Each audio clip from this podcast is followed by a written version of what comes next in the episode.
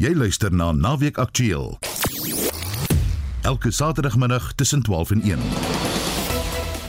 In vanmiddag se program Johannesburg se brandtragedie plaas die kollig op die verval, verrotting en munisipale wanbestuur in die middestad.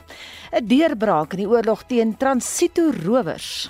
They are quite integrated because there's criminals from Mpumalanga, there's criminals from Gauteng, there's criminals from Limpopo. They planned to do a cash heist and we had intelligence, so it was an intelligence-led operation. En die vervaardiger Andre Skols word vereer vir sy lewenslange bydrae tot die Suid-Afrikaanse rolprentbedryf. Vervaardiging sê iets wat ek nooit gedink het ooit sou doen nie en ek het nog nooit daai uit doen nie. Nog steeds vandag daar. Baie welkom by Naweek Aktueel, die span in die ateljee, redakteur Jean-Marie Verhoef, ons produksieregisseur Bongin Kosi Mtembu en my naam is Anita Visser. Naweek Aktueel, jou naweek nuusprogram op RSG. 18 vermeende transitorowers is gistermiddag deur die polisie in Louis Trichardt Limpopo doodgeskiet. Die nasionale polisiekommissaris die Masomela sê die oor en weer skietery het sowat 90 minute geduur. 16 mans en 2 vroue is dood. Die groep word gekoppel aan 'n reeks transitorooftogte in 3 provinsies. What is the government doing to protect innocent people? Volgens Masomela het 'n ewige skietgeveg losgebrand toe die polisie en eenhede van die valke 'n huis in Etli Villas omsingel het. Die verdagtes is glo vir 3 dae deur die polisie dopgehou en was glo besig met die beplanning van nog 'n transito rooftog toe wetstoepassers op hulle toesak. During this battle, 16 men have been shot dead with two females. We decided to do a takedown operation and that's when we started following them closer. That's why we were able to see when they bring everything, their arsenal, bombs, firearms into this house. Masomela sê die polisie het die rug gebreek van 'n syndikaat wat na bewering rooftogte in Limpopo, Mpumalanga en Gauteng uitgevoer het. Masomela het ook bevestig dat vier ander verdagtes wat glo ook deel is van die syndikaat by 'n huis in Thohoyandou in hegtenis geneem is. Daar is beslag gelê op verskeie gesteelde voertuie en outomatiese aanvalsgewere. There's no casualties. We have arrested four suspects and the four vehicles has also been recovered. One of which those vehicles is an ambulance that was going to be used to transport the cash out of the province of Limpopo to Gauteng. 'n Polisiebeampte is ernstig gewond tydens die skietery en word tans by 'n plaaslike hospitaal behandel. Die verslag van Michael Makungo in Louis Trichardt. Ek is Jean Marie Verhoef vir SAK nuus. Minstens 76 mense is dood en meer as 50 beseer en talle word steeds vermis nadat 'n brand donderdag 'n 5-verdiepingsstruktuur in Johannesburg se middestad verswelg het. Dit word as een van die ergste rampe in die stad se geskiedenis beskryf. Die oorsaak van die brand is nog onbekend, maar die tragedie is sonder twyfel 'n gevolg van die wetteloosheid en stedelike verval oor dekades. Die gekaapte gebou op die hoek van Alberts en Delwer strate is onder veruur en het 'n onbekende aantal mense gehuisves. As jy na die vertelling van oorlewendes en ooggetuies luister, kan jy verstaan hoekom die nuus wêreldwyd opslaa maak. Some of the people I know, people I live with for some time now, they are gone, they are dead, their bodies were lying there. Some were jumping from the fourth floor, third floor, like that. And some of the people, they bend beyond recognition. Thank God for the gift of life that I'm still breathing, but at the same time, I'm sad for seeing those innocent souls being lost in that manner. to see my daughter, Janet Zanele Letao. I, I don't know. I haven't seen her in a while. She is staying in this building, I'm hoping to find her alive. We don't know where our relatives are, and they used to stay here in this building. It's sad too much. I spoke to them last night, nine o'clock, and then till today, even the phone is off. We can't get anything. I see a lot of people dying, children, their mothers, our brothers. How did you manage to get out? I jump from the roof. I come from up. I stuck in the DSTV dishes. I just see the smoke and then I took my, the baby and then I, I just got outside. How much do you pay for you and your child to stay in this building? You pay 1.2 per room. 1,200 rand a month. And and how big is the space? I think the, I think A small depends on the size of the space. Get that clear. A small one. Yeah. If you don't have money, they, they kick you out. How long have you been staying here now? Since 2008. Hmm. And have you seen the people that you pay money to every single month around here at all? They are not here. What do you want to say to them? Hey, you want me to be killed? I don't even say, I, I, I, there's nothing that I'm going to tell them. Well, even if they come to take their money, they're even violent. If you don't have, even if you shot two cents, they're going to kick you outside. So right now, what, what can I say to them?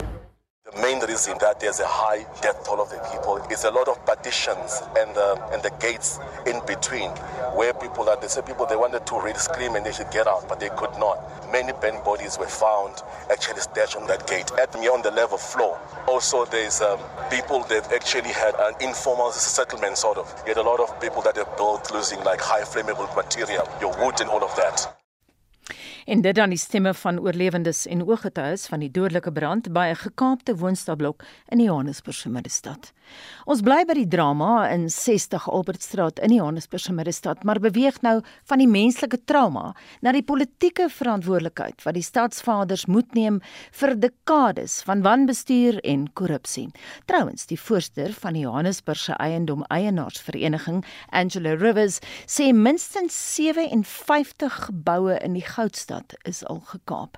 Naweek aktueel het die DA-leier in die kokes van die Johannesburgse Stadsraad, Belinda Kaiser Etchusonjoko gevra hoe dit toegelaat is. Dis die failure van die City of Joburg om repairs en maintenance te doen. As hulle 'n gebou oorvat, is hulle veronderstel om seker te maak dat daar sekuriteit is, die repairs en maintenance word gedoen en as die private sektor geïnteresseerd is in die gebou, dan moet hulle dit beskikbaar maak vir die private sektor. Maar hulle maak die situasie so moeilik vir die private sektor om betrokke te raak. They don't repair, they don't maintain and they don't even honor any appointments to try and look for solutions. Dit is 'n groot probleem wat ons het in die stad en ons het probeer as die DA om daai engagement met die private sektor soos Diploma en al daai te doen met die inner city rejuvenation projekte wat ons probeer het toe ek die MMC for development planning was. Maar ongelukkig was ons uitgeskop na die voting in Januarie. So baie van ons se werk wat ons begin het kon nie klaar gemaak word nie, maar die geboue word gekaap omdat daar nie sekuriteit is nie, is neglect en daar's geen proper oversight nie. Dit is die grootste probleem. Nou die lid van die Johannesburgse burgemeesterskomitee vir vervoer, Kenny Kunene, sê buitelanders moet die skuld kry vir die kaping van hierdie geboue. Wat is jou reaksie op daardie stelling? My reaksie is die failure van die ANC om se borders te secure is waar dit begin.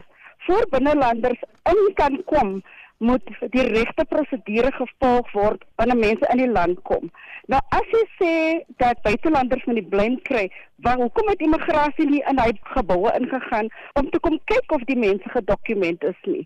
In 2019 was daar 'n raid van GFS in hy gebou en al die probleme was gelus. Hoekom het hulle niks omtrent dit gedoen nadat hulle geweet het wat is die probleem? So dit is hoekom ons altyd gesê het as ons integrated operations toe ons in bewind was. As MNC for development planning het ons integrated operations gehad en baie keer is ons gevra dat Home Affairs, die polisie, JMPD, building control, land use almal saam in die tipe geboue ingaan.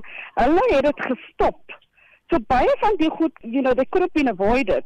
En hulle was veronderstel om te continue met wat ons begin het en kry Home Affairs en wat hoekom doen Home Affairs nie hulle werk nie? As Home Affairs hulle werk doen, dan hoef niemand niemand kon gesterf het gisteraand nie, uh, die vorige aand nie, want hulle kon ingekom het, gekyk of die mense gedokument is en as die mense moet gedeporteer raak, dan moet hulle gedeporteer raak. Maar vir my is dit jy kan nie die, net die foreigners blame vir die failures van government om die wette van die land te enforce nie. Dit is totaal onaanvaarbaar. Belinda, een van die stadsvaders het hierdie week in 'n TV-onderhoud reguit erken dat hulle dikwels sogenaamde golden handshakes aan Nigeriërs gee. En die verslaggewer tydens die TV-onderhoud het nie opgevolg om te vra wanneer het julle dit gedoen en hoeveel golden handshakes word daar uitgedeel nie, want dit kom van die belastingbetalers se geld af. Is julle bewus daarvan? Nee, ons is nie bewus daarvan nie en ek het 'n argument dat as Nigeriërs geld vat en stadslede praat van dit. Hoekom is dit nie gerapporteer aan die polisie nie en hoekom is daar geen investigation daaromtrent nie? Ek kan vir jou sê, daar moet iemand is wat benefit van die situasie van chaos wat ons op die oomblik in die stad het. Want as hulle toelaat dat dinge so chaotic is in die stad, dan moet jy jouself vra, hoekom laat die mense toe? En toe ons begin met ons blok by blok, het almal vir ons gesê dat ons mense victimize. Nou ek sê as jy weet van crime en jy praat van dit, hoekom rapporteer jy dit nie aan die polisie nie? En wat het jy gedoen om dit te rapporteer dat daar iets gedoen word daaromtrent? So for once is it the issue van you part of the problem if you know of the problem and you don't report it. If they know of Golden Handshake, why are they not reporting it? Why is there no case numbers and any investigations that have been done about that? So it's completely unacceptable to just make statements and then not follow up to go and report it to the police. Kom ons kyk vinnig na die veiligheid. Nou die burgemeesterskomitee lid vir openbare veiligheid, Nklekeni Swaku, sê hulle is meer as bewus van die feit dat die geboue nie deur die staat onderhou word nie en dat dit 'n veiligheidsgevaar inhou. Hoe op aarde kon julle as oppositie toelaat dat hulle dit openlik sê en niemand doen niks nie? Ek kan vir jou sê die DA doen definitief nie niks nie. Ons is al reeds besig om vrae aan te stel. Ons wil weet, ons wil hê 'n audit moet gedoen word aan al die staatsgeboue in die city of Joburg en wat is die status van hulle repairs and maintenance?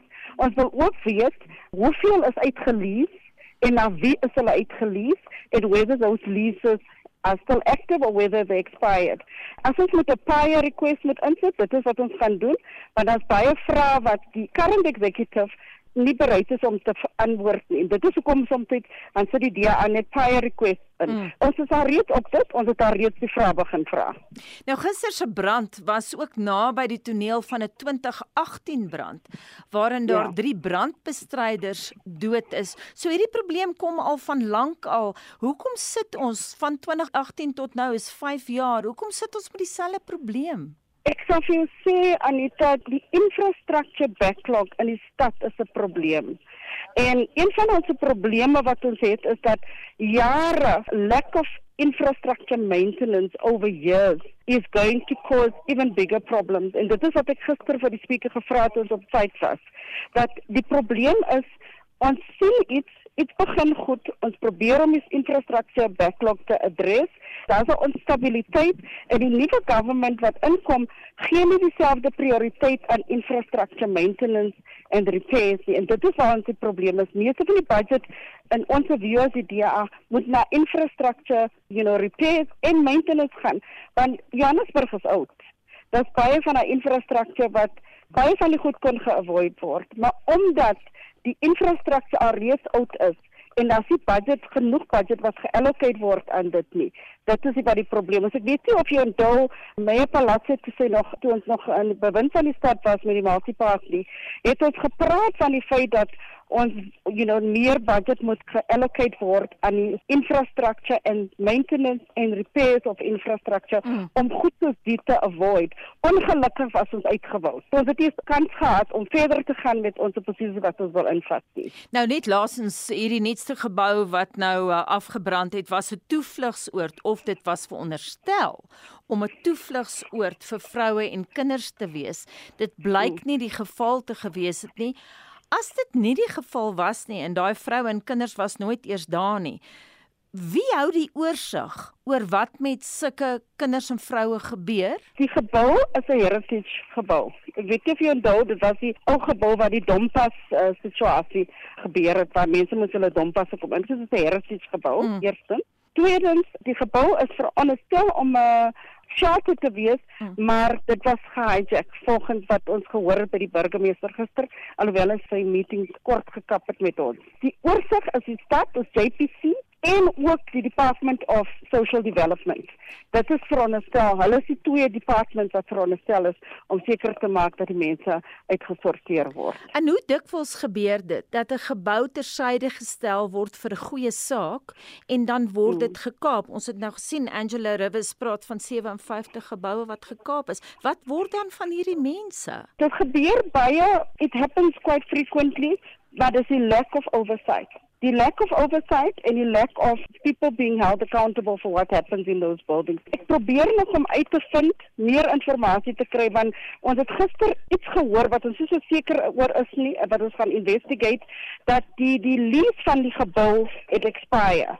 So ons het nog nie al die inligting nie, maar ek sal jou meer kan sê oor wat gebeur het of die lease expired is en dit is hoekom ons miskien gehijack is. Ek weet nie wat is die hele details nie want ek het ons het vrae gevra oor dit. En so sê die DA-leier in die Caucus van die Johannesburgse Stadsraad Belinda Keiser Etchezonjoko met wie ek gister gepraat het, ons het probeer om die Johannesburgse stadsbestuurder in die hande te kry vir kommentaar, maar ons was onsuksesvol. Ons bly by die storie en luister eers na 'n voorloper van die geskiedenis van die gebou in Albertstraat nommer 60 toe Albertstraat 80 waar die brand in plaas vind ek een van 'n span wat gaan help om die gebou gereed te maak vir die eerste groep straatkinders. Nou aan die woord daar is Johan Kriege wat vir 16 jaar lank uitvoerende hoof van die nie-regeringsorganisasie MES was. Kriege was altesaam 21 jaar lank betrokke by MES en sy bedrywighede wat veral op haweloses geskoei was. Dit was dan ook hy wat saam met 'n handjievol kollegas die geboue in Albertstraat vir straatkinders reggemaak het en vertel hy was letterlik besig om vuil werk te doen om dit voor te berei vir die haweloses. Anita, ek was op daardie stadium deeltyds betrokke met projekte by Mes. Ek het vir hulle gehelp 'n bietjie. Ek was voltyds nog by die studente in 'n gemeente. En die paskantore die historiese paskantore in Albertstraat 80 is toe die regering beskikbaar gestel aan NGOs dat ons dit kan inrig om vir al straatkinders te akkommodeer. Straatkinders was 'n gewellige probleem hier in die laat 90s en die vroeë deel van die nuwe millennium. Sê vir my Johan, was hierdie spesifieke gebou ter sprake? Ja, die spesifieke gebou was ter sprake en ek weet ons het elkeen 'n stukkie gekry wat ons kon ontwikkel as 'n skuilings ons in Rema het nog langs mekaar ek praat as ek praat met ons praat ek van die organisasie Mes en Rema het langs mekaar dele gekry en ons moes nog die gebou self skoonmaak ons moes die vuil mure afwas ons moet self die toilet verstopte toilette skoonmaak om dit net in te rig dat dit menswaardig is vir 'n groep straatkinders om daarin te beweeg. Nou Johan, jy was baie lank by Mes betrokke, 21 jaar altesaam en jy het baie met die regering gewerk as 'n persoon wat nie regeringsorganisasies verteenwoordig. Wat is julle vennootskap of verhouding met die stadsraad? Hoe werk die protokol met so 'n gebou? Gestel byvoorbeeld die stadsraad of die metroraad sê vir julle, "Kyk Johan, ons het vir julle gebou beskikbaar." Wat gebeur dan? Dit was altyd 'n interessante ervaring. Ons het altyd 'n positiewe benadering gehad omdat die probleem van armoede en swaar kry en haweloosheid vir ons nou baie na in die hart gelê. En ons het gewoonlik met die regering onderhandel en in baie gevalle is daar vir ons dan 'n gebou beskikbaar gestel. Ons het op 'n stadium 'n hele aantal geboue gekry wat ons of as skuilings gebruik het of as deurgangsbehuising. En later toe ons met Medumo begin het dit is 'n behuisingsmaatskappy wat vanuit ons ontstaan het en selfstandig ontwikkel het was daar altyd 'n verstandhouding met die regering ons het die gebou gekry maar dan moes ons homself in stand hou en in baie gevalle moes ons dan huur betaal aan die regering om die gebou te kan benut en die fondse moes ons dan nou uit ons eie sak uit betaal ons moes dit van instansies kry wat vir ons ondersteun het. En werk daai verhouding? Ek dink hy hy het gewerk altyd maar die probleem het altyd gekom as daar probleme is. Baie dit was hier die regering met goeie bedoelings begin, maar uh, dan het hulle vir ons uiteindelik alleen gelos. Ons het nie altyd verdere ondersteuning gekry nie. En dit was in die tyd wat ek daar was baie keer 'n probleem dat jy kry die gebou en dan kry jy nie verdere ondersteuning nie en ons het veral ook maar bietjie deurgeloop. Daar was meer as een geleentheid waar van ons geboue gekaap is. Dit is 'n baie gesofistikeerde proses wat plaasvind. Dit is gewoonlik misdaadsyndikaate het ons baie vroeg agtergekom wat betrokke is. Hulle identifiseer 'n gebou, hulle werk 'n strategie uit en dan beweeg hulle in die gebou en hulle oorweldig die mense met vrees en intimidasie en sê hulle van nou af betaal julle aan ons hier. Wat dan gebeur is dat die instansie self in geval waar dit privaat eienaars was, kan nie die dienste gelde aanhou betaal as jy nie meer inkomste uit die gebou kry want die kapers vat nou die geld en dis hoe geboue vervalle begin raak en ons weet van etlike gevalle waar privaat eienaars eenvoudig net hulle geboue prys gegee het, dit net pad gegee want hulle kon nie in stand hou nie. Ek weet van privaat eienaars van woonstelle, op 'n stadium was dit gesog om woonstelle in Nieuwbra te koop omdat mense gesê het dit is 'n goeie toekomstige belegging. Ek het op 'n stadium met ons 5 woonstelle persent gekry van ouens wat die goeie van hulle vir ons gegee het en sê hulle kan nie meer voortbou nie want hulle kry geen inkomste nie. Die plek is gehijack. En so sê die voormalige uitvoerende hoof van Mes Johan Kriege met wie naweek aktueel gister gepraat het. In minder as 2 weke op 11 September sal die nasionale vergadering na verwagting stem oor die ad hoc komitee se aanbeveling vir die nuwe openbare beskermer. Agt kandidaate het die kortlys gehad en gehaal liewer en die komitee het die waarnemende OB Koleka Leka aanbeveel. Celine Merrington het intussen ondersoek ingestel na die nalatenskap van diegene wat voorheen die amp bekleed het. Die kantoor van die openbare beskermer is tot stand gebring om wanadministrasie en korrupsie in die staat te ondersoek. Die eerste hoof van die kantoor was Selby Bakwa. Hy het die infrastruktuur en ondersoekende vaardighede opgestel. Sy opvolger, Lawrence Mshwana, het in 2002 oorgeneem. Hy het voortgebou op dit wat Bakwa opgestel het. Volgens 'n regsnavorser by Corruption Watch, Mtlatsi Komote, kan hy krediet kry vir die kantoor se regsbindende besluite. He also ensured that the remedial actions for investigations were confirmed as binding. So he really laid that foundation for the 2016 Gandla judgment, in actual fact, according to Advocate Tuli Madonsela. So he did quite a lot of work around that. He did make some negative findings against ANC members in particular, but he again was also accused of not being able to shake off his partisanship towards the ANC. Mushwana was opgevolg deur Tuli Madonsela wat volgens baie kommentators die kantoor se profiel aansienlik gelig het. Die mees bekende saak in haar termyn was sekerlik Secure in Comfort wat die multimiljoen rand se opgraderings by president Jacob Zuma se Nkandla woning ondersoek het. Volgens die uitvoerende sekretaris van die Raad vir die Bevordering van die Suid-Afrikaanse Grondwet, Lose Naidu, het die saak die publiek met ander oë na die kantoor laat kyk.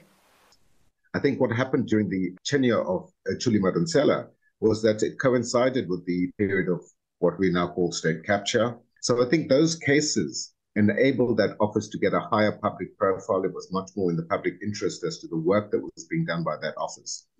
But I think we must also acknowledge that most of the work that is done by the Office of the Public Protector goes unnoticed because it deals with complaints from ordinary citizens about maladministration and so on in, in the public sector. And that's really the heart of the work that's conducted by this office. Busisiwe Mqwebane wat Madonsela opgevolg het, het groot skoene gehad om vol te staan. Haar termyn was baie meer omstrede en het gelei tot 'n parlementêre ondersoek om haar amptgeschiktheid te bekyk. Die komitee het aanbeveel dat die nasionale vergadering haar van haar pos onthef as gevolg van onbevoegdheid en grove nalatigheid. Komote sê die manier waarop Mqobane die kantoor verlaat, is hoe sy onthou sal word. She has not really operated in the way that we would have liked in terms of her ability to be impartial. And we saw that around the reports and the backlash of those particular reports. And I think it was quite difficult, especially when we got into the Section 194 inquiry, because that really, there were positives to that in that you know her decision making was being tested and everything but i think unfortunately she's leaving at a time when there's more bad publicity around her office than the good net 5 werkdae sal die waarnemende OB Koleka Kaleka 'n beter idee hê van haar toekoms. LP sal stem oor of sy aan president Cyril Ramaphosa aanbeveel moet word tydens 'n sitting in die Kaapse stadsaal. Sy het 240 van die 400 LP se stemme nodig vir dit om te gebeur. Zelene Merrington, Parlement. In ons weeklikse motorrubriek toets Wessel Pretoria vandag twee Chinese.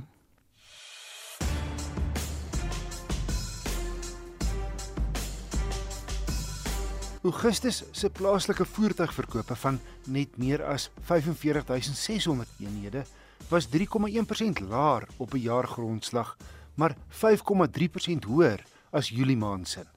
Uitvoere van net meer as 41400 eenhede was 'n volle 33,5% beter as Augustus verlede jaar. Toyota met verkope van 12233 eenhede verlede maand het dubbel soveel verkoop as die Volkswagen groep in die tweede plek.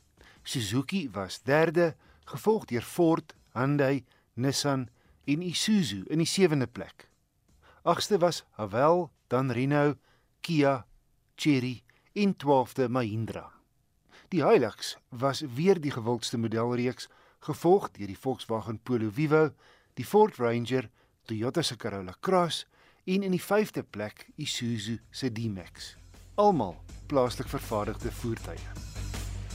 Chinese voertuie se voorkoms, kwaliteit en tegnologie het die laaste paar jaar geweldig verbeter. Het ek net weer besef toe ek twee nuwe toetreders gery het, 'n bike, jy spel hom met hoofletters B A I C, se Beijing X55 en ook die Omoda C5.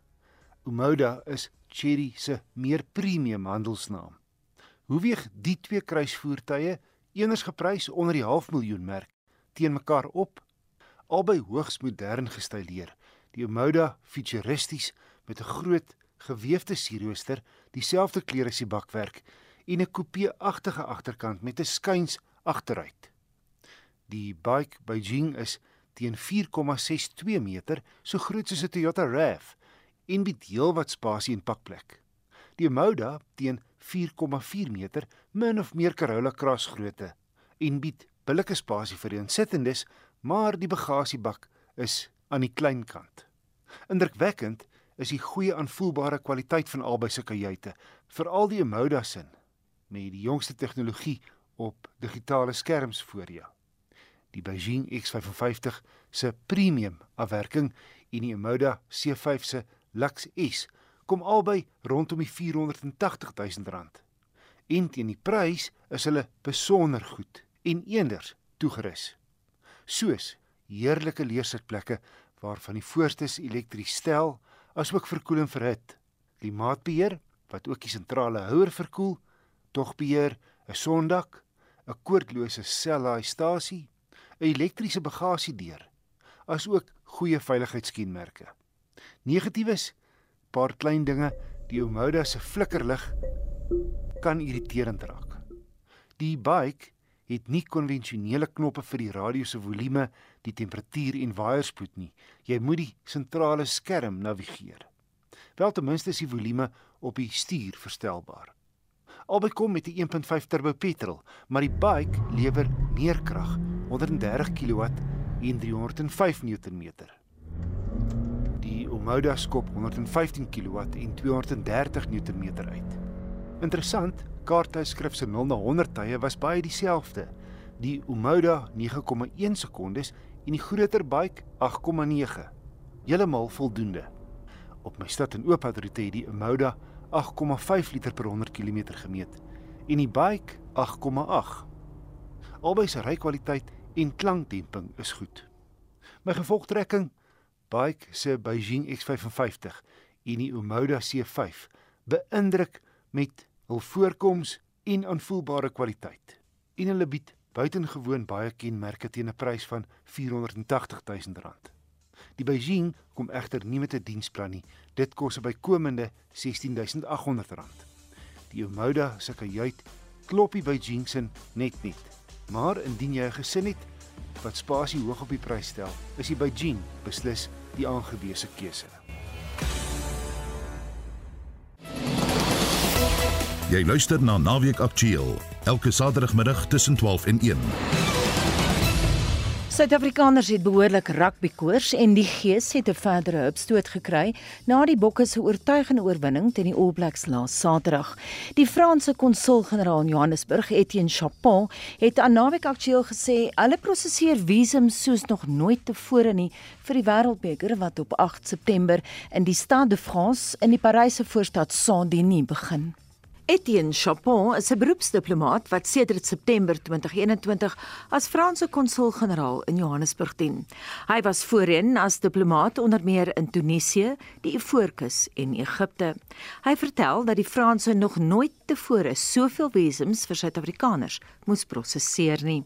Roughly beginning of May, so that's May, June, July and August, we have processed 14,000 visas last year, during the same period of time, we processed 7,000 only. So this year we processed almost uh, double compared to last year. Of course, not all of those people are going to watch the Rugby World Cup, but still, I think it's a significant increase compared to last year.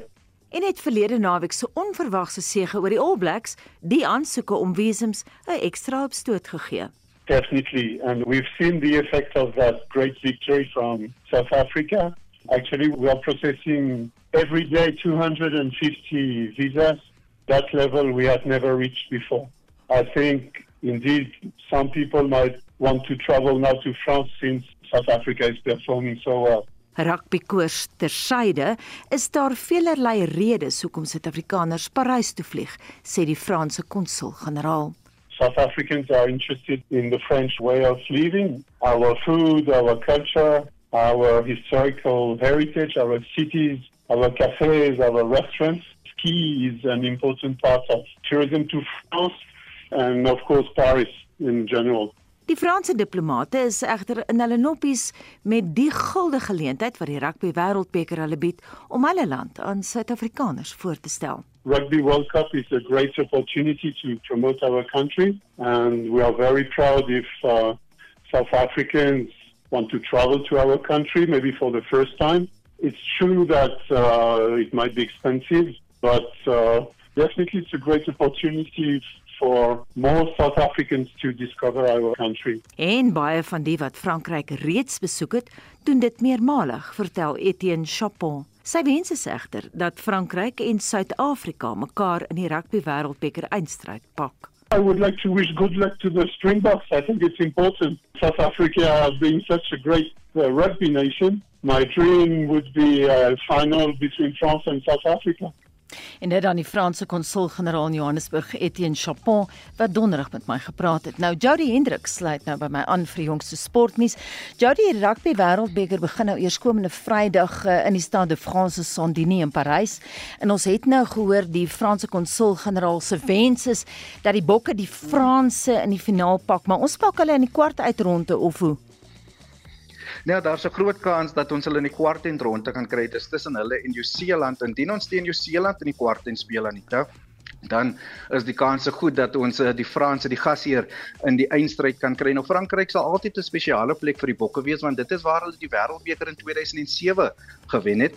Dit was in Oktober maand, maar nou 16 jaar later gaan die Bokke die toernooi binne as die verdedigende kampioen en ook as een van die gunsteling spanne, so ek dink definitief die Bokke het 'n goeie kans om in Frankryk te seëvier. Jerry nou van die jaar se toernooi kon net sowel in Suid-Afrika plaasgevind het of hoe? Ja, op uh, 15 November 2017 is Frankryk as gasheer aangewys nadat Suid-Afrika en hulle laaste op die kortlys was nou wêreld rugby se tegniese paneel wat na aspekte soos infrastruktuur, die ekonomiese impak groei van die spel gekyk het, het Suid-Afrika aanbeveel vir die uh, skouspel, maar nadat Suid-Afrika as die gunsteling gasheerland aanbeveel is, het Frankryk hul koste van hul bod met 100 miljoen euro verhoog en dit het die base by wêreld rugby beïndruk en Frankryk is toe uiteindelik die gasheerregte gegee. En nou van rugby na cricket, die Proteas het weer gisteraand teleurgestel. Ja, hulle het die tweede T20 wedstryd teen Australië met 8 balkies verloor en sodoende wen Australië dan ook die reeks nou die Proteas. Hulle het eerste gekolf en 'n 164 vir 8 aangeteken en die kaptein Aiden Makram 49 en dit was toe die Aussie kaptein Mitch Maas se 50-tal wat net te goed was en hulle kom dan môre in die derde wedstryd van die reeks teen mekaar te staan. Jody Tennis, wat het by die Amerikaanse Ope gebeur? Ehm um, die wêreldnommer 2 manspeler eh, Novak Djokovic moes hardveg teen sy landgenoot Laszlo Djokovic wat uh, in 5 stelle die wedstryd gewen het en uh, dit was Laszlo wat die eerste twee stelle ingepalm het en die laaste 3 is deur Djokovic gewen om na die volgende ronde te vorder. Die wêreldnommer 1 manspeler Carlos Alcaraz, hy kom vanaand om 6uur teen Dan Evans van Groot-Brittanje te staan.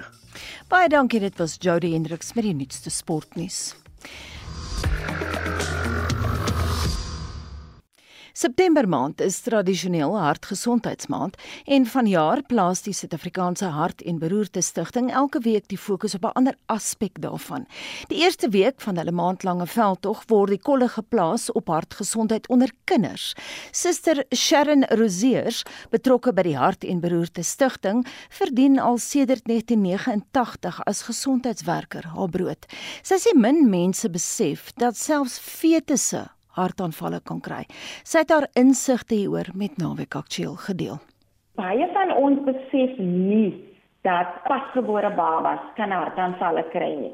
Sommige kere gebeur dit dat baie van ons diabetiese mammas babatjies het wat met 'n hartkwal gebore word of ons het byvoorbeeld 'n mamma wat medikasie gebruik wat sy nie bewus is dat dit skadelik kan wees vir haar baba nie wanneer jy gaan vir jou um, die ultraklanke wat hulle doen kan die dokters daar optel. Daar is 'n hartafwyking. Dan kan hulle vir baba behandel in mamma se baarmoeder. Wat van hartsiektes en hartaanvalle onder Suid-Afrikaanse kinders? Ek sou byvoorbeeld dink dat 'n gesonde jong mens nie getoets hoef te word vir 'n hoë cholesterol of 'n hoë bloeddruk nie op die rare gevalle dat 'n jong persoon 'n hartaanval kan kry. Kan maar kinders hartaanvalle kry? Definitief. Maar as dit maar is en ek het byvoorbeeld in my gene, my ma, my pa, my broer, suster, hulle het hartaanvalle gekry of hulle het hoë bloeddruk gehad, kan ek definitief as ek nie na my leefstyl kyk nie, terwyl ek jonk is, kan ek definitief ook 'n risiko wees om 'n hartaanval te kry. Sharon sê vir my, is daar statistiek in Suid-Afrika oor hoeveel van ons kinders aan hartsiektes ly? Die statistiek wat ons het is oor ons fiksige kinders net wat vir ons 'n aanduiding gee dat hierdie persone aan hartsiektes ly. So ons het byvoorbeeld 18% van ons kinders tussen die ouderdom van 15 en 17 jaar oud vetsigtig is en hulle is meer geneig om hartaanvalle te kry. Ek verstaan julle is ook nou besig met 'n bewusmakingsveldtog by skole. Wat behels ja. dit? So by skole doen ons die SHIPPY program om jonger kinders om vir hulle bewus te maak van gesonde eetgewoontes, oefening om nie te rook nie. Ons gaan doen praatjies by die skole. Kinders van vandag, ons weet mos hulle wil nie oefen nie, nie veral tydens pauses nie. Mm. So ons deel springtoue uit net om vir die kinders meer in die proses te kry om meer te oefen. Jy het nou gepraat van julle skole bewusmakingsveld tog. Gaan julle daar kyk na wat die snoepies aanbied om te eet? Ja, dit is een van ons hoofdoel om ons na die skole te gaan. Ons gaan kyk na hulle snoepies ons gaan kyk wat hulle aanbied vir die kinders, wat hulle te koop aanbied. En dit is eintlik skrikwekkend om te sien dat meeste van ons snoepies het gaskoeldranke, hulle het gegeurde waters, hulle het pastye, hulle het byvoorbeeld baie snacks wat vol sout is, vol vet is. Ons vra ook vir die persone wat die snoepie aanbied, wat het julle al gedink daaraan om 'n meer gesonder opsie vir die kinders aan te bied. En ehm um, meeste van hulle sê ons het al probeer al, maar dan stel die kinders glad nie belang om dit te koop nie. Dan besluit hulle net ons moet op 'n een of ander manier die kinders moet eet. So ons gaan maar net aan met die ongesonde opsies want dit is wat die kinders eintlik vra. Nou ons weet dat in Suid-Afrika is hartsiektes verantwoordelik vir 1 uit elke 6 mense wat doodgaan. So dit is meer as al die kankers tesame en tog is die media geneig en ek sluit myself in om meer aandag aan kankers te gee. Hoekom dink jy is dit so? Weet jy ons dink omdat kanker as jy die groot woord K hoor, dink jy maar nou gaan ek dood nou. Maar ons besef nie as kanker byvoorbeeld betyds gediagnoseer word, kan dit behandel word. Maar met kardiovaskulêre siektes, veral met 'n strook, dis iets wat jy nie ek sou nie weet dat ek het 'n hoë bloeddruk, my bloeddruk is hoog as ek dit nie toets nie. Ek sou nie weet ek het cholesterol as dit nie getoets word nie. So dit is hoekom ons vir die mense meer bewus wil maak van ken julle nommers, weet wat is 'n normale bloeddruk, weet wat is 'n normale cholesterol. Want hulle sê mos 'n beroerte is soos 'n silent killer. Jy weet nie dit gaan kom nie. Maar by kanker, jy kan dit behandel. Dit is hoekom ons klem eintlik lê op beroertes en hartsiektes. En dit dan uh, Suster Sharon Rosiers van die Suid-Afrikaanse Hart en Beroerte Stichting. Ons verskuif nou die fokus van Suid-Afrikaanse kinders na die Britse jeug. 'n Studie wat pas in die JAMA Network Open Journal gepubliseer is, toon dat tipe 1 diabetes merkwaardig toegeneem het onder kinders in Brittanje. Meer as 38000 jong mense is vir die doeleindes van die navorsing getoets en die toename is deur die outeurs as merkwaardig beskryf. Ons het 'n endokrinoloog vir verbonde aan die Universiteit Stellenbosch, Dr. Ankia Kutse gevra hoe gefundeer die navorsing is. Alhoewel dit 'n baie gerespekteerde joernaal wat wel bekend is en wat baie geloofwaardig is. So artikels wat in hierdie joernaal verskyn is heel waarskynlik deur meer as een, as ek dit nou mag sê, ekspert geëvalueer en dat die data wat hulle daarin weergee is gesubstansieer. Ek wil nou net sê hulle het 38000 jong mense in Brittanje getoets. Is dit 'n groot genoeg studiegroep? Sjoe, Anita, jy kyk na studies in terme van diabetes, hang dit baie af van of 'n mens kyk na tipe 1 of tipe 2. So die prevalensie prevensie van tipe 2 diabetes omdat dit so algemeen is, kan mens eintlik wegkom met 'n kleiner groep. So ek moet sê die hoeveelheid mense wat hulle geëvalueer het, die 38000 is nogal indrukwekkend en ek dink dit is 'n groot genoeg groep om redelike afleidings te kan maak. Nou daar is wetenskaplikes en medisy in die VK wat sê wel die syfers is so hoog want dit is 'n soort van 'n catch-up proses omdat hmm. baie gevalle ongediagnoseer was tydens COVID. Maak dit vir ja. jou sin? Ja, ons moet mooi onderskei tussen tipe 1 en tipe 2 diabetes. So as ons kyk na tipe 2 diabetes, is die toestand oor die algemeen ondergediagnoseer. So ons sê dat 2/3 van mense wat tipe 2 diabetes het, onbewus is daarvan omdat dit nie so 'n simptomatiese siekte is in die begin nie. So dit is baie moontlik dat wat hulle sê is waarskynlik 'n kombinasie van ongediagnoseerde diabetes wat nou vir die eerste keer aan die lig kom en ook as mense met prediabetes byvoorbeeld die COVID pandemie of COVID gehad het, verhoog dit ook hulle risiko om na diabetes te oor te skakel van die prediabetes af. So ek dink dit is nie een ding nie, ek dink dit is 'n kombinasie van verskeie faktore, maar die catch-up waarvan hulle praat is heel waarskynlik deel daarvan. Maar die kruks van die storie is dat daar nou tipe 1 diabetes mm. onder kinders is en dis uitsonderlik ja. of hoe? Ja.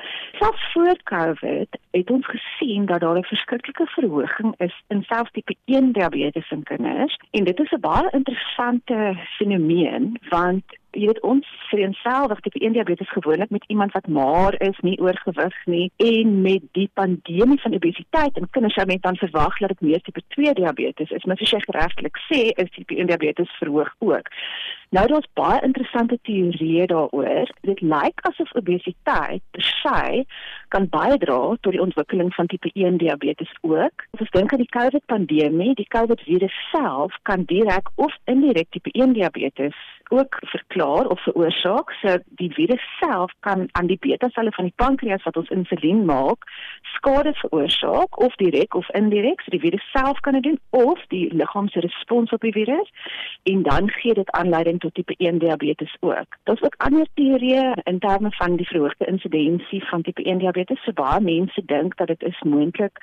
Ek gaan dit in Engels sê endocrine disrupting chemicals. So dit is chemikalieë en daai tipe goeders wat in ons kosse voorkom wat dit verhoog en ook die ander teorie is dat mense nou, ek weet dit is nou in kinders, maar dat jy weet in die ouer tyd het kinders nie noodwendig almal die ouderdom van 14 of 15 ons noem maar lisensie bereik nie, sodat daar oor die algemeen meer kinders is wat oorleef en daarom is die insidensie van diabetes ook meer. So basies net 'n soos 'n sample size wat jy sê wat groter is. Daar's ook 'n hipotese dat uh, baie van die kinders tydens COVID nie blootgestel is aan kindersiektes nie en dat baie van hmm. daai kindersiektes ook eintlik kan help teen diabetes. Dit kan mense liggaam beskerm. Is dit so?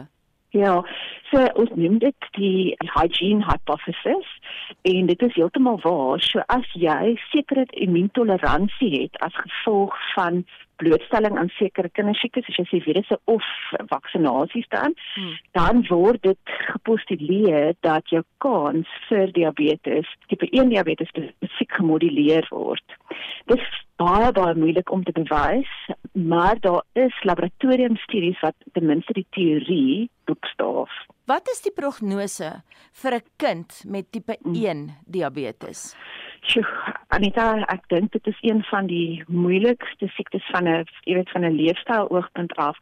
'n pasiënt of dit nou 'n kind of 'n ouer is en 'n kind nog meer want hulle het nie daai insig jy weet om te verstaan hoekom hulle hulle self heeltyd met inspuit wat die voordeel is van 'n normale suiker en hoekom hulle suiker partykeer laag gaan en dan voel hulle sleg nie. So ek dink van 'n leefstyl oogpunt af is dit 'n verskriklike impak op 'n kind. In terme van die prognose hang dit ook af oor die graad van of die ouderdom waar die kind gediagnoseer is en hoe goed daai diabetes beheer word. Uit tipe 1 diabetes studies weet weet ons dat tipe 1 diabetes wat in die begin goed beheer word, baie langtermynvoordele inhou en dat hulle nie een van daai tipe diabetes komplikasies waarvoor ons bang is, jy weet die blindheid, die nierversaking mm. en daai tipe goed hoef te kry as dit goed behandel is nie. Maar jy kan jouself voorstel dat om in 'n kind daai perfekte waardes te kry is verskriklik moeilik. Die nuwe tegnologie, jy weet die insulienpompe ensovoorts ensovoorts maak dit 'n bietjie makliker, maar weer eens vir kinders wat in 'n minder bevoorregte konteks groot word daardeur as ek kan sê dit gedisadvantaged want hulle het nie noodwendig toegang tot daai middele wat die behandeling van diabetes dan makliker maak nie. Ankia, hoe lyk die insidensie van tipe 1 diabetes hmm. Onder kinders in Suid-Afrika? Het jy enige idee? Anita, dit is 'n fantastiese vraag. Se een van ons tekortkominge in Suid-Afrika is die feit dat ons geen idee het hoeveel mense met diabetes ons in Suid-Afrika het nie. Dis die eerste ding. Die tweede ding is tipe 1 diabetes is veronderstel om altyd aan die lig te kom van medisyne. Dit is nie iets wat subklinies kan bestaan nie. En dit is ook een van ons tekortkominge dat ons nie 'n tipe 1 diabetes as 'n mens so 'n registry het wat die private sektor en die staatssektor kombineer sodat ons 'n idee kan kry van die prevalensie nie. Ook omdat ons die vorige data het nie is dit moeilik. So ons gaan nie kan vergelyk of daar wel 'n verhoging was en dit baseer op 'n kontras of 'n vergelyking tussen vorige en huidige data. So dit wys net hoe belangrik dit is om daai data te hê om te beplan En dit dan 'n endokrinoloog verbonde aan die Universiteit Stellenbosch, Dr. Ankia Kutse. Leefwêreld van die gestremde. Hierdie week in die program Ek is die ma van 'n dogter op die autistiese spektrum. Alhoewel sy verskeie terapie ondergaan het, het ek gevind wanneer blou bad water te sit, dat dadelik laat kalmer raak. Moes haar so gou as moontlik kry dat sy swemlesse neem. Dit vir haar op baie vlakke help emosioneel te sosialiseer. Leefwêreld van die gestremde. Sondagmiddag 05:30 tot 5:00 onder leiding van Fanie De Tooy en Jackie January.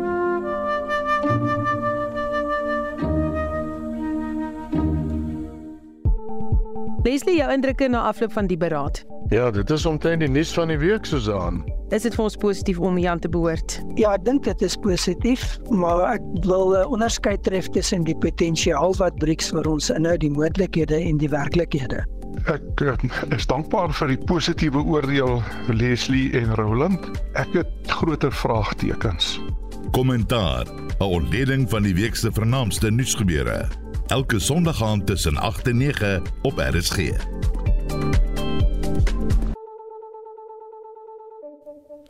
Die fliekvervaardiger Andre Skols is tydens die tegniese toekenninge van die Silverskermfees in Kampsbaai Kaapstad vereer vir sy lewenslange bydrae tot die Suid-Afrikaanse rolprentbedryf. Skols was onder meer instrumenteel in die destydse rolprent subsidiestelsel.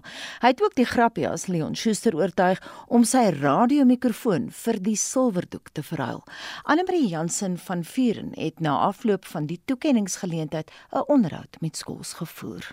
Ons is hier by die Silverskermfees en jy lyk vir my nogal aangedaan om hierdie lewensbydra toekenning te gekry het. Ja, dit is maar 'n ervaring wat mens self ooit kry. Dis maar 'n storie wat jy al voel jy jy gaan dalk nou klaar maak, jy weet maar ek het nog 'n paar pyle om te skiet. Maar met die mense aangedaan want mense praat met jou goeie goed. Dan is dit lekker om dit te hoor dan vat dit in jou. En Andre, jy het op 'n interessante manier in die bedryf gekom want jy het nie rolprentwese of drama geswat soos baie ander mense nie. Vertel vir ons, hoe het jy in die Suid-Afrikaanse rolprentbedryf beland? Ek het toevallig met my besigheidsgraad het ek betrokke geraak by 'n maatskappy wat destyds Tjantjie Tjantjie Fox oorgeneem het en toe Kinikor gevorm het. En toe ek gesekondeer soontoe waar ek begin het by Kinikor as in die bemarkingsafdeling en toe naderhand het ek gepromoveer verantwoordelik te wees vir die aankoop van Suid-Afrikaanse rolpente. Ons het daai jare gekompeteer met Ster. So Kinikor en Ster het mekaar kompeteer vir produk en so het ek betrokke geraak by die verspreiding van rolpente. En daar was min teaters gewees daardie jaar, so jy het reg sterk beklei teenoor Ster om produkte te kry vir Kinikor. En na 'n paar jaar van verspreiding, toe ek deur almal gevra te kom vervaardig saam met hom. Want verspreiding was baie belangrik geweest. Jy vervaardiger rot met nou die verspreiding van hom kry. En dit so dit begin het. En by Elmo begin dit as op die vervaardiging. Sê iets wat ek nooit gedink het ek ooit sou doen nie. En ek het nog nooit daar uit toe nie. Nog steeds vandag daar. In so 'n lang loopbaan weet ek dis baie moeilik om 'n paar projekte uit te sonder, maar is daar hier of daar 'n paar hoogtepunte wat jy spesifiek om sekere redes onthou en wat is daai redes? O ja, moet vir sê daar's baie hoogtepunte. Die eerste een wat wat na vore kom was die eerste Robin wat ek en Leon saam gemaak het. You must be joking. Daar Robin was 'n reuse sukses geweest. Daarna nog 'n hele paar saam met Leon Pitney Short. Zilo my stoep is 'n baie goeie voorbeeld van iets wat die hoogtepunt my lewe was. Natuurlik daarna het ek die voorreg gehad om saam met drie dames Robin te maak wat elkeen uniek was in eie reg. Saam met 'n tinker gemaak, die wonderwerker. Saam met Hanneke Skutte het ons meerkat 'n maand vervaardig en toe het ek saam met Renay Tourbos vervaardig. So dis totaal ander genres as wat ek gewoond aan was, maar wat 'n wonderlike voorreg was dit gewees om met hulle te werk om die sagtheid van ons bedryf ook te toe kom. Want my vorige projekte was baie humor genre geskoei gewees. Hierdie drie is totaal anders gewees. Ja, daar is baie ander wat ek van gehou het en maar hoogtepunte, ek dink dis daai vier. Jy het reg gesê die bedryf het baie verander. Jy's baie nuwe gesigte by die Silverskermfees. Maar wat dink jy kan die nuwe gesigte en die nuwe rolspelers in die huidige bedryf leer by veterane soos jy en jou ander kollegas wat voorheen in die bedryf gewerk het? Jy weet daar's nie baie veterane oor nie, maar ek het nog opgeleer die laaste paar jaar by die Silverskermfees. Die jong mense het hulle eie sienswyse, hulle maak hulle eie foute, maar dis al hoe jy leer. Ek het nie al die produk hierdie jaar gesien nie, maar in die verlede was ek baie beïndruk geweest met die kortverhale wat gekom het. So die talent is daar om te skryf. Hulle gaan eie ding doen. Ek dink as as hulle wil raad hê moet hulle kom vra. Dis maar altyd 'n snaakse situasie van die nuwe garde en die ou garde. Ek het die voorreg gehad om van tevore by Silverskerm te mentor en hier en daar word nog gevra om te help hierdie kant en daai kant toe. Maar omdat daar nie meer hulppunte eintlik gemaak word vir verspreiding in Suid-Afrika nie, het televisie oorgeneem. Nou word daar vervaardig vir televisie, rolpunte vir televisie en televisiereekse. So dit is 'n totaal ander peletjie vandag. Rolpunte as wat ons hom geken het tot 'n paar jaar gelede, Afrikaanse rolpunte op die groot skerm, hy gaan uitsterf. Hy gaan reg uit televisie toe gaan. So in ander woorde, ek het begin in 'n wêreld wat nie digitaal was nie. Ons het met film gewerk, 35 mm. Nou is dit digitaal. Die wêreld het baie verander. Ek kan nie vir raad gee dit is jy luister as jy begin regtig talent wil ontwikkel om in so 'n mate dat jy 'n produk kan oorsee vat. Want Suid-Afrika is te klein as jy talent goed is. Jy moet jouself oorsee bemark. En so sê die rolprentvervaardiger Andrei Skols en hy tydens die Silwer Skermfees in Kampsbaai Kaapstad met Anne Marie Jansen van Vuren gepraat. En daarmee groet ons hele span namens die uitvoerende regisseur Nicoline de Wee, ons produksieregisseur Bingen Bongen Kosim Tembo en my naam is Anita Visser. Geniet jou middag in die geselskap van RSG.